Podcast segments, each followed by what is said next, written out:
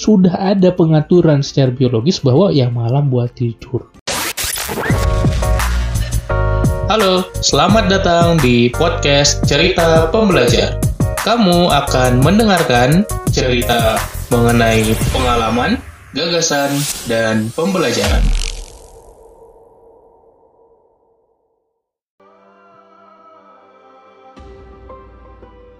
Assalamualaikum warahmatullahi wabarakatuh, salam pembelajar. Sebagaimana judulnya di episode kali ini gue ingin bahas jangan begadang, ya. Ini adalah fenomena yang sering kali muncul di zaman sekarang karena seakan-akan begadang atau tidur larut itu udah jadi hal yang lumrah saja. Ya, ini pengecualian tentunya kalau ada perlunya gitu ya, kalau memang urgent atau ada sesuatu hal yang harus dilakukan. Tapi banyak banget kondisi dan banyak banget orang yang cerita ke gue nggak bisa tidur, susah tidur, ya malam masih main HP. Ya sebenarnya tipsnya simple ya, lu matiin HP-nya terus lu tidur gitu. Karena yang membuat kita susah untuk tidur adalah berbagai trigger-trigger tadi gitu ya.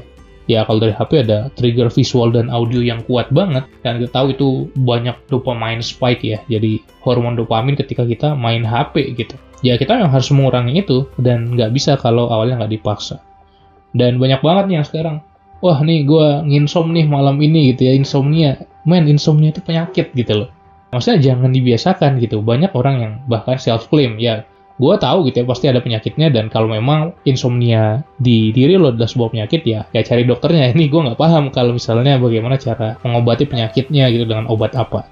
Tapi banyak sekali orang yang menyengajakan gitu ya untuk untuk dalam tanda kutip insomnia untuk nggak bisa tidur gitu bukan hanya menyengajakan untuk tidak tidur loh dengan main HP atau berbagai aktivitas atau kerja sampai larut, tapi menyengajakan untuk membentuk habit itu dalam dirinya gitu. Dan terjadi banyak sekali kasusnya gitu.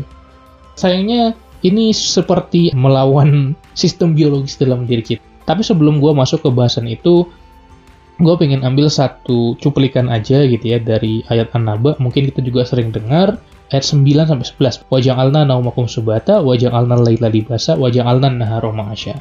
Dan kami menjadikan tidurmu itu untuk istirahat, menjadikan malam sebagai selimut atau sebagai pakaian gitu ya, dan kami menjadikan siang untuk ya mencari penghidupan untuk bekerja defaultnya emang gitu ya malam tidur gitu ya siang bangun gitu malam istirahat siang bekerja kita pasti butuh tidur kalau malamnya kita tidak tidur pasti paginya atau siangnya kita tidak tidur make sense dong nggak mungkin bisa ada manusia yang hidup tanpa tidur gitu ya wah kalau bisa ada gitu ya alat atau sebuah sistem atau produk yang bisa bikin gue hidup terus tanpa perlu tidur ya gue beli dah pasti berapa mahal pun harganya tapi kan itu nggak mungkin ya itu kan uh, menyalahi kodrat lah Secara biologis, ini ada namanya ritme sirkadian, circadian rhythm. Apa itu? Siklus bangun dan tidurnya manusia.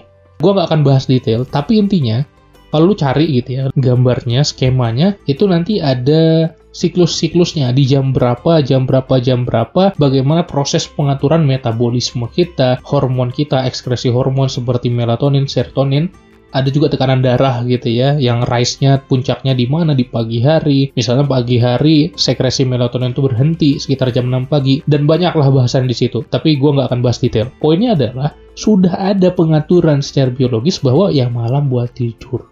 Ya mungkin setiap orang beda-beda jam bangun dan jam tidurnya, tapi ya pasti malam gitu kan tidurnya gitu ya. Maksudnya jam 8 atau jam 9 itu kan pilihan gitu ya, style orang-orang beda. Nah tapi ya udah bagus banget gitu ya ada default kita setelah Isya malam ya jangan larut-larut banget tidur dan kita bisa bangun di subuhnya gitu. Ya lebih bagus lagi kalau ditambah sepertiga malam. Jadi itu udah ada secara biologis sistemnya. Memang tidur di malam hari ya siapa kita untuk melawan sistem itu yang sudah ada dalam diri kita gitu. Dan dari dulu memang defaultnya gitu siang ya bekerja, malam tidur. Jadi coba kita kurangi begadang, coba kita kurangi tidur larut dan bentuk kebiasaan untuk bisa bangun pagi.